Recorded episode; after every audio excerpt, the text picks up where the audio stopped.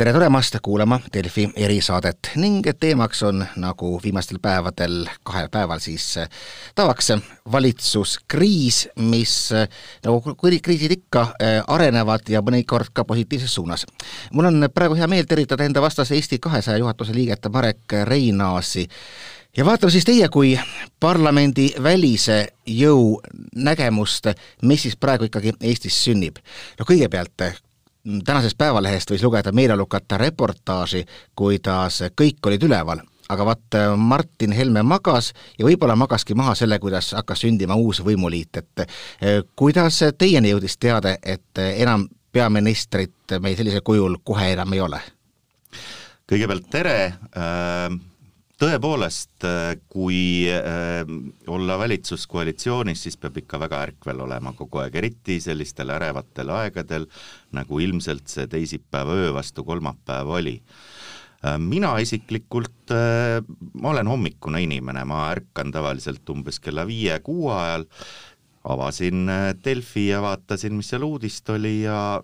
ütleme niimoodi, et ega mind väga ei üllatanudki see, mida ma sealt lugesin, sellepärast et meil oli ka teisipäeval erakonna juhatusega väikene nõupidamine, et äh, kuidas me suhtume kogu sellesse Porto Franco asja ja ja sellesse korruptsiooniskandaali, kuhu Keskerakond ja EKRE sattunud on. Ja enam-vähem selline asjade käik Äh, oli üks võimalikest äh, versioonidest, mis meil ka laua peal oli, niimoodi et ega mind jah, see ülemäära ei üllatanud. no igal juhul olite te võib-olla ikkagi siis üks esimesi, kes Eestis teada sai kell viis-kuus hommikul, mitte kõik ei tõuse. aga päevapeale ma vaatasin, kus hakkasid tulema mul tuttavatelt Facebooki pildid, et inimesed avasid šampuseid, no ja siis tulid veel sellised suured äh, äh mõõnahood ja masendushood, kus tuli, kui vahepeal tundus, et ikkagi jätkab senine koalitsioon ja puha, et aga mis, mis tunded nagu teid valdasid, selgelt olete te olnud kriitilised praeguse valitsuse suhtes, aga kuivõrd noh, oli põhjust rõõmustamiseks, eks, või kuivõrd oligi see selline nii-öelda tavapärane loogiline poliitiline areng? Äh, me šampuseid lahti ei teinud, aga äh, tõsi ta on, et ma arvan, et enamus Eesti liberaalsest uuendusmeelsest äh, elanikkonnast on väga õnnelikud selle üle, et nad ei pea enam nende kaabude tegemisi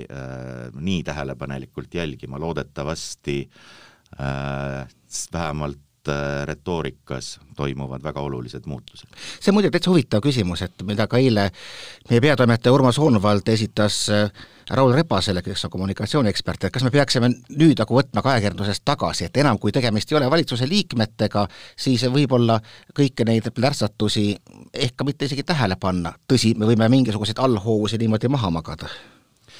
mina arvan küll, et et äh, kui vaadata EKRE strateegiat, mida nad on ju ka avalikustanud, irriteeri, provotseeri, äh, seejärel äh, muudkui aga naudi avalikkuse tähelepanu, siis selle relva võiks neilt küll ära võtta, et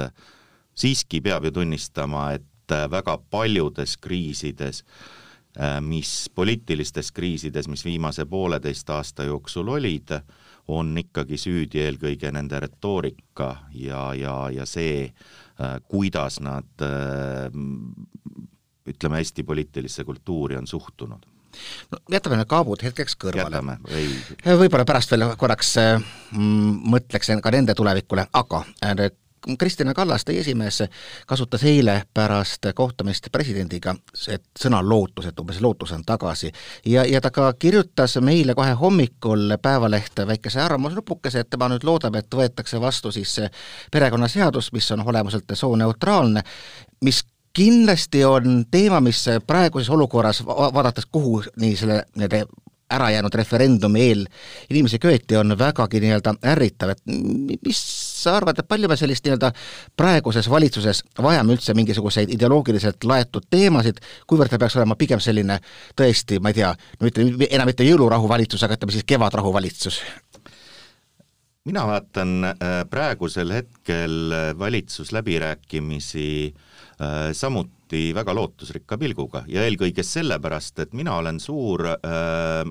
võrdõiguslikkuse austaja, minule meeldib, kui naised toimetavad, nad ei, ei pea olema ainult köögis, mulle meeldib, kui naised äh, juhivad mingeid asju, nad juhivad neid hoopis teistmoodi, kui mehed seda teevad. Ja mina ütleks küll, et praegu pannakse kokku siis, kui eelmine oli Kaabude valitsus, siis nüüd loodetavasti tuleb Seelikute valitsus, ehk siis äh, ilmselt on äh, tänu sellele võiks seal olla oluliselt vähem selliseid äh, laetud teemasid ja hoopis rohkem neid teemasid, mis on väga praktilised, mida äh, tõepoolest on praeguses majandus- ja, ja tervisekriisis vaja ära lahendada, nii et äh, iseenesest on Kaja Kallas saanud ikka avansiks päris korraliku usalduskrediidi jah, näis, kuidas ta sellega hakkama saab, et eile tundus küll, et on taaskord déjà vu, et pakutakse, aga siiski mitte. ja nüüd tundub hetkel, et ikkagi ta, tema käes on need kaardid, et mida õigesti välja mängida, et eile õhtul tegi siis Reformierakond Keskerakonnale ettepaneku alustada kõnelusi, eks tänane päev näitab, kuhu need viivad ja ilmselt mitte ainult tänane, vaid, vaid veel mitmed järgmised päevad. kui me vaatasime neid erinevaid matemaatilisi võimalusi, siis need noh, neid on hästi palju, alates sellest, mis praegu kõige tõenäolisem, et kaks suurt peavad läbirääkimisi ja võib-olla kaasavad ka kolmandana näiteks Isamaaliidu. samas noh, on ka kõikvõimalikke teisi, mis on sama loogilised ja vanad kolmikliidud ja puha, et teie kui parlamendis kõrvalseisjad, kes te praegu otseselt seal midagi mõjutada ei saa, et missugune oleks, ma ei tea, Eesti kahesaja jaoks kõige sellisem loogilisem ja võib-olla kõige rohkem teiega ühte langev koalitsioon? ma eile vaatasin ka Kaja Kallast, kes minu arust üsna õnnetu näoga ütles, et äh, äh, koalitsiooni tegemiseks on tal käepärast just nimelt need sada üks äh, Riigikogu saadikut, kes tal on. ta sai, ta, ta suutis seda suisa, ma vaatasin AK-s mitu korda öelda sama lauset. täpselt, aga ma arvan, et seal äh, Kaja Kallas avaski võib-olla selle kõige suurema mure, mis praegusel hetkel Eestis on, ma arvan, et sellest sõnastas suurepäraselt Jaak, Jaak Jõerüüt viimastes artiklites ja see on just nimelt see, et meil ongi needsamad sada üks Riigikogu liiget, kes seal on ja nendega, ütleme, väga kiiresti rallit ei sõida. mina arvan küll, et äh, erakorralised valimised oleks ilmselt praeguses olukorras äh, kõige mõistlikum lahendus. ja põhjus on väga lihtne, viimased kaks aastat on Eestit nii palju muutnud, et äh, ilmselt äh, need saadikud selle mandaadiga, mis nad äh, kahe tuhande üheksateistkümnenda aasta kevadel said, äh, enam suurt ei päde. sain ma õigesti aru, et ka Eesti kakssada on algatamas aktsiooni, et seda nagu kas mitte esile kutsuda, et rõhuda saadikute südametunnistusele, et tehke ära? vaatame-näeme, aga seda võib kindlasti jah öelda, et ega ju praegusest Riigikogust hoolimata sellest, et Äh, valitsus muutub, mingit märkimisväärselt uut kvaliteeti oodata ei ole, mistõttu äh, kõige ausam siiski äh, Riigikogu tööandja vastu ehk siis rahva vastu oleks see, kui nad saaksid endale äh, valida sinna Riigikokku uued esindajad, uued töö, töövõtjad. no aga millal see peaks olema, meil just eile ka arutasime toimetuses sama teemat ja ikka jäi prevaleerima see, et hetkel on küll äh, koroonakriis, see on kõige halvem asi, nii nagu oli juttu ka referendumist, et noh, isegi kui teoreetiliselt mõelda, et referendumit läbi viia, siis mitte praegu, nüüd ka valimisteks kõik hakkavad tegelema kriisi asemel sellega, rääkimata, et ähm, kui mingi hetk vajab minna valimiskastide juurde, siis ei pruugi veel ohutu olla. Äh, ma arvan, et äh, me oleme Eestis näinud äh, väga üllatavaid ja uskumatuid äh, pöördeid poliitikas, seetõttu äh, öelda, et mingi asi on Eesti poliitikas täiesti absoluutselt võimatu, seda ei saa äh, kindlasti öelda. Ja, ja seetõttu mina arvan, et ei ole ka võimatu just nimelt ka erakorraliste valimiste äh, nii-öelda võimalikkus Eestis ühel või teisel moel. ja, ja oleme ausad, ega lisaks sellele koroonakriisile, lisaks sellele tervisekriisile ja majanduskriisile on meil mõnes mõttes praegusel hetkel ka eetikakriis, ehk siis äh, ega nüüd seal Riigikogus enam ülemäära palju neid erakondi ei ole, kes ühel või teisel moel ei ole näiteks patustanud erakondade rahastamise suhtes, kõik me mäletame kilekotte, kõik me teame Porto Francot, et, et selles mõttes äh, Äh, sellest kriisist väljatulemine nõuab Kaja Kallaselt ikkagi väga-väga tõsiseid äh, sisekaemusi. just nimelt, minu meelest te sõnastasite praegu väga hästi ära, mispärast äh, erakorralisi valimisi ei tule, et see pole ju praktiliselt ühegi Riigikogus esindatud jõu huvides. mis iganes kombinatsioon tuleb, jääb neid suurema tõenäosusega kohti vähemaks ja, ja no ütleme, kui me vaatame kas või puhtalt niimoodi jõuvahekordi, siis see, tugevus, mis on praegu kas või seal Reformierakonnal, on taoline, millist nad ilmselt enam ei saavuta, ilmselt käib sama ka, ka Keskerakonna kohta, noh teistest ei või võib-olla jätta praegu nad kõrvale, ehk siis tegelikult puudub ikkagi tead otsene, otsene huvi seda teha. jah, aga äh, lähme uuesti selle Kaja Kallase juurde, et äh, millised ootused on ühiskonnal tema suhtes ja ma arvan, et just nimelt seetõttu, et mõnes mõttes praegusel hetkel äh, Äh, koalitsiooni läbirääkimisi peavad erakonnad on mõlemad äh, patustanud äh,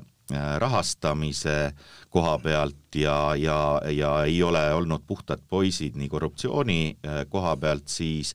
Kaja Kallasel on ikka selge äh, praktiliselt kohustus panna kokku selline valitsus, kus äh, me äh, mingeid kilekoti inimesi ei näe ja ei näe ka neid inimesi, kes äh, enda ja riigi rahakotti segamini ajavad ja kes ei oska hinnata seda, millise autoga nad nüüd täpselt Horvaatiasse sõidavad, kas enda isikliku omaga või riigi omaga. ehk siis ma arvan, et selle äh, valitsuse koosseisust äh, saab olema näha, kas nii Reformierakond kui Keskerakond mõtlevad nagu tõsiselt seda, et nad on nüüd muutunud, nad on uuenenud ja, ja, ja nad kindlasti äh, omavad nulltolerantsi igasuguse korruptsiooni vastu või jätkub kõik samas vaimus? nojah, vähemalt Reformierakonna kohta võib öelda, et hea küll, see kilekoti skandaal ütleme, aga isegi mõrva puhul oleks juba aegunud selline kuritegu, ehk siis äh, mõnevõrra on teine olukord, kui väga värskelt katseajal noh, praeguses seisus siis tõenäoliselt äh, prokuratuuri kahtlustuse järgi vahele jäänud äh, Keskerakonnal, et kuidas sa üldse nagu sellesse suhtud, et kui nüüd ikkagi need kaks suurt panevad selle kokku, see üks tunne oli just nimelt see, et tuleb nii-öelda liberaalse valitsus, mõlemad kuuluvad ALDE-sse, võib-olla leiab Keskerakond üles just nii-öelda need liberaalsed väärtused, mis siiamaani kaabude all peidus olid ja kõik läheb nagu paremaks, aga teisest küljest just seesama moraalne dilemma, et kas erakond, mida kahtlustatakse tõsises kuriteos, ehk noh, igasugune parteiline korruptsioon tähendab olemuslikult eh, siiski noh, valimiste mingil määral varastamist, kuna nad saavad teiste ees ebaausa eelise, et kuidas, kuidas seda, seda moraalset dilemmat nüüd lahendada inimese jaoks, kes tahaks, et oleks puhas ja aus valitsus, ja samas, et ikkagi noh, tuleks valitsus, mis, mis tõesti praegusel hetkel kannaks neid väärtusi, mis eh, ma arvan, et ikkagi enamikul Eesti elanikkonnast eh, meele järgi on aga see ongi äh, isikute küsimus, ma, ma tuletaksin meelde, et ka Reformierakonnal on tegelikult käimas kohtuprotsess praegu Tallinna Sadama korruptsiooni üle, mistõttu nii-öelda nii nii äh, Keskerakonna kui Reformierakonna poliitikud peavad väga tõsiselt vaatama kogu aeg õiguskaitseorganite ja kohtu suunas, et mis otsuseid sealt nüüd tulemas on mismoodi seda teha, ma arvan, et see ongi nüüd äh, Kaja Kallase tõeline väljakutse, et kas ta saab sellega hakkama või põhimõtteliselt äh, nii-öelda kõik endised äh, äh, vähem ja rohkem valgetes kampsunites inimesed ilmuvad järsku ka äh, ka järgmisesse valitsuse koosseisu. kuidas seda teha, ma arvan, see on juba Reformierakonna enda käest vaja küsida. no äkki võib-olla praegu ei olegi vaja väga suuri selliseid selles mõttes kannapöördeid, et võtta siis see partner ja kuidagi edasi minna, just ikkagi arvestada seda kriisi, mul mul tekkis mõte, et ega see, ega see valitsuskriis, no kõigi muude kriiside taustal, li-, liiga vara ei tulnud, et praegu ilmselgelt olukorras, kus keegi peab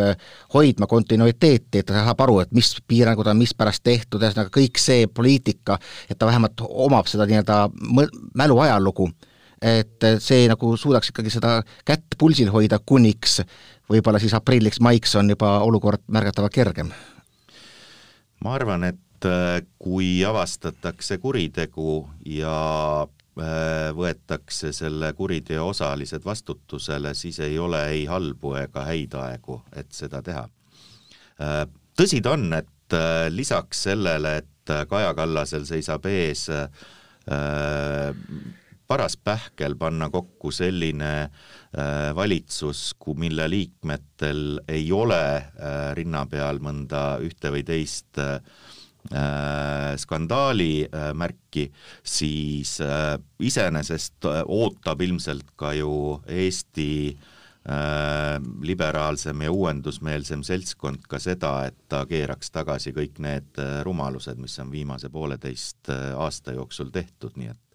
ega, ega äh, ma arvan, et äh, ei ole võimalu, võimalik praegu teha sellist tiksuvat äh,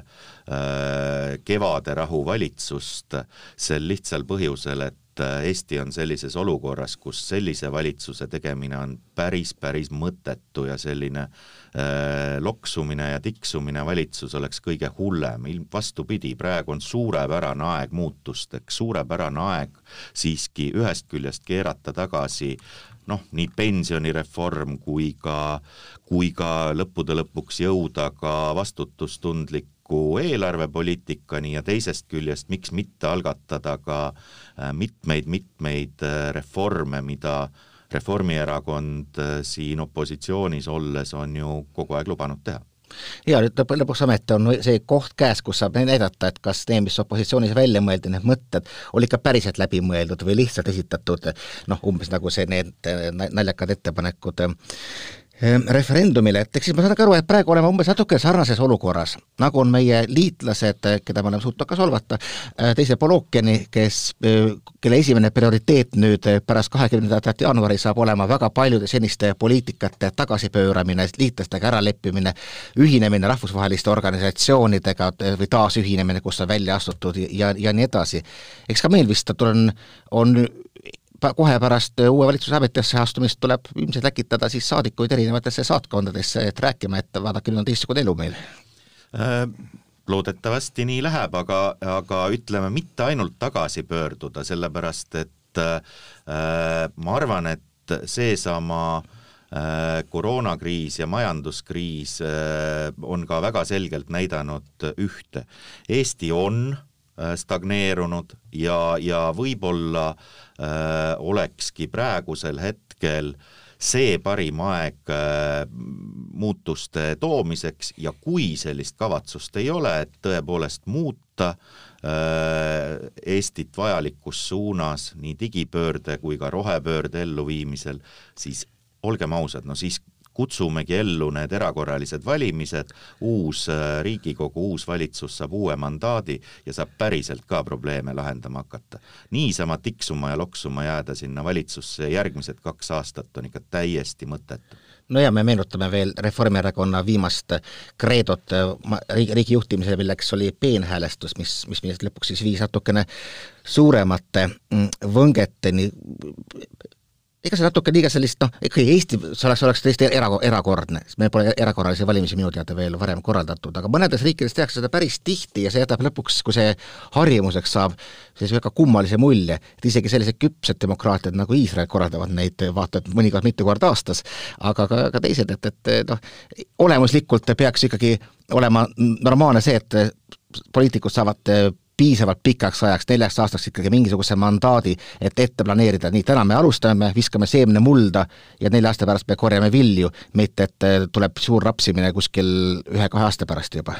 ei, kindlasti eh, Eesti kakssada ja ka mina ei propageeri seda, et erakorralised valimised peaksid käima väga kergekäeliselt. minu arust päris hea süsteem on Lätis, et eh, näiteks seal võib president Äh, erakorralised vasi-, valimised esile kutsuda, äh, ehk siis läbi rahvahääletuse. Ja juhul, kui äh, nii-öelda erakorralised valimised toimuvad, siis ka president astub tagasi, et noh, natukene niisugune nagu nagu kamikaatselik tegevus, aga on olemas hetki, oleme ausad, kus ja me nägime seda eelmisel nädalal, kus Riigikogu võib ikkagi kollektiivselt hulluks minna. ja need on need hetked, kus äh, Äh, selline äh, instrument äh, võiks meil riigiõiguslikult olemas olla et ma arvan, et üldse me, me oleme kuidagi nagu nendes olemasolevates poliitik-, ka formaatides natukene liiga kinni. et nagu hea ajakirjanik oskab kogu aeg küsida, et miks, siis ma arvan, et ka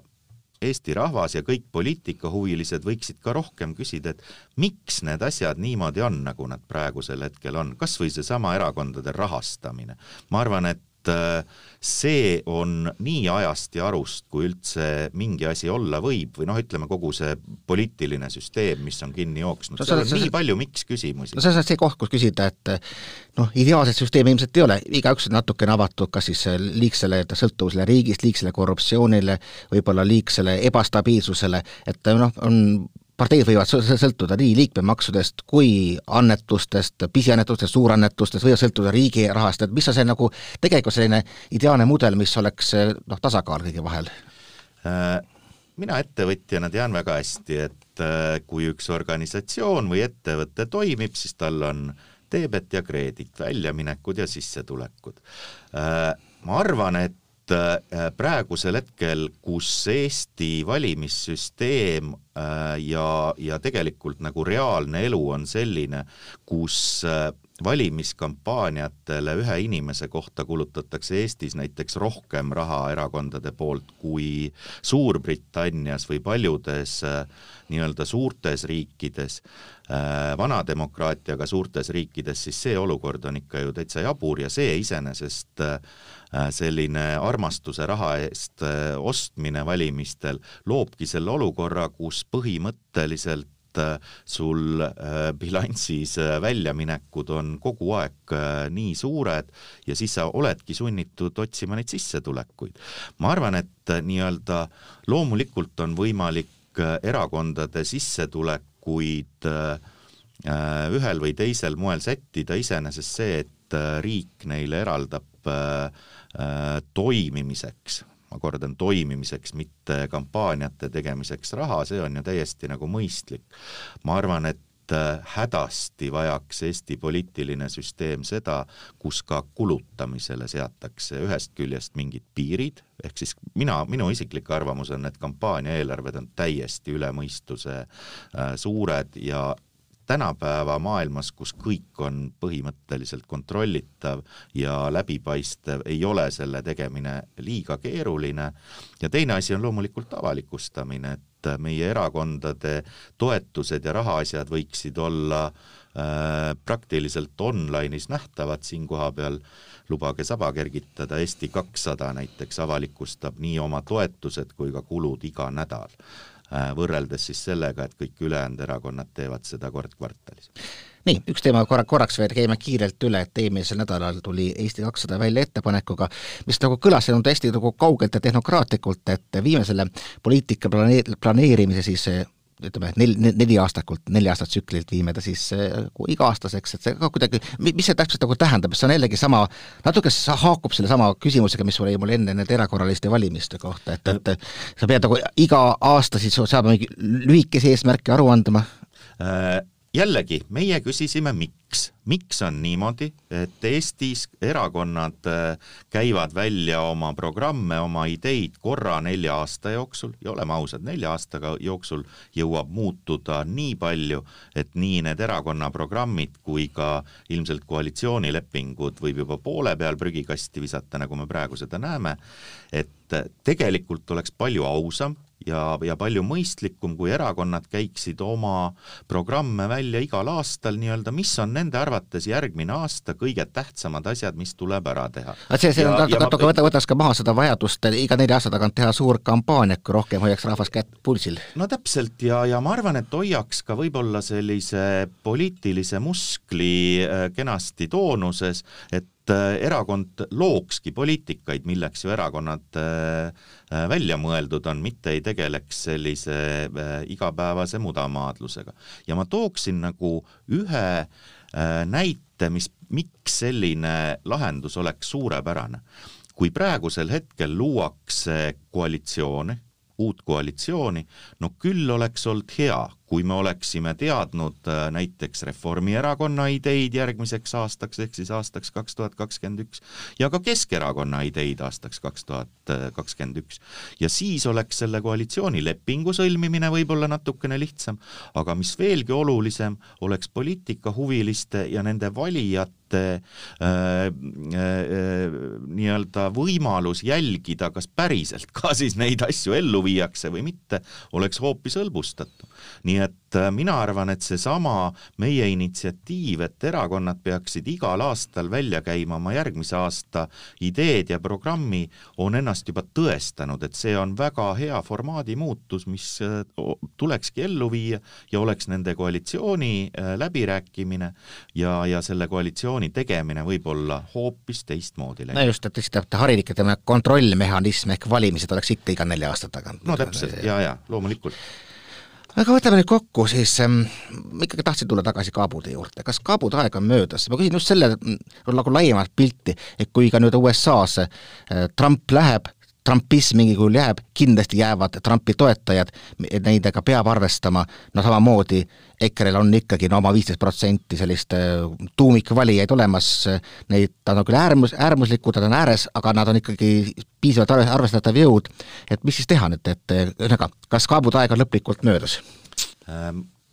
Iseenesest äh, Trumpi äh, hävimine valimistel on sellise ideoloogia Äh, väga tõsine proovikivi. ja kui nüüd vaadata seda kommunikatsiooni, mida seda tüüpi erakonnad ja, ja, ja, ja poliitikud äh, viimased äh,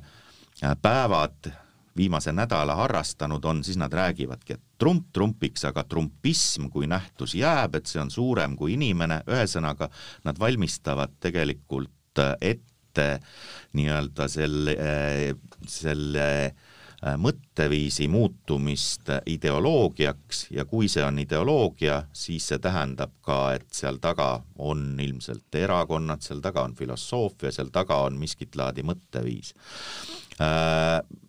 ja ma saan väga hästi aru, et nad seda teevad, sellepärast et äh, ilmselt veel aasta aega tagasi Trump oli peaaegu sada protsenti kindel, et ta jätkab ja, ja kogu see äh, tema fännklubi oli, oli äh, ikka rohkem tuult purjedes kui kunagi varem mina arvan, et äh, kogu selline trumpism või selline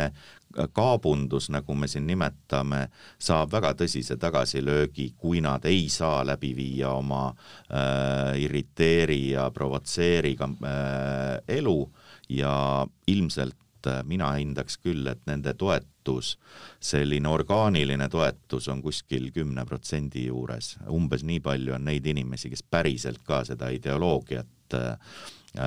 toetab ja, ja ütleme, viimastel valimistel said nad siis äh, ligi poole jagu toetajaid juurde puhtalt selle pealt, et juba siis oli inimestel totaalselt kõrini sellest äh, mingil määral elitaarsest ja hangunud poliitikast. no Imre Sooäär ütles eile, et, et nüüd võiks kõik erakonnad sõlmida sellise kokkuleppe, et neid enam kunagi valitsusse ei kaasata, ehk siis noh, sisuliselt loodakse nii-öelda sanitaarkoridor, nagu on paljudes Euroopa riikides, et mis sa arvad? Äh, tõsi ta on, et äh, läbikukkunud poliitikute rehabilitatsioonikeskus ei oleks ka üldse mitte halb, kus, mis võib-olla aitaks neid rehabiliteerida, ühiskonda sulanduda tagasi, minna tootvale tööle ja võib-olla nii oleks ka äh, meil er, Riigikogus ja, ja Riigikogu erakondades natukene rohkem uusi nägusid ja, ja muutusi aitäh, Marek Reinaas, Eesti kahesaja juhatuse liige!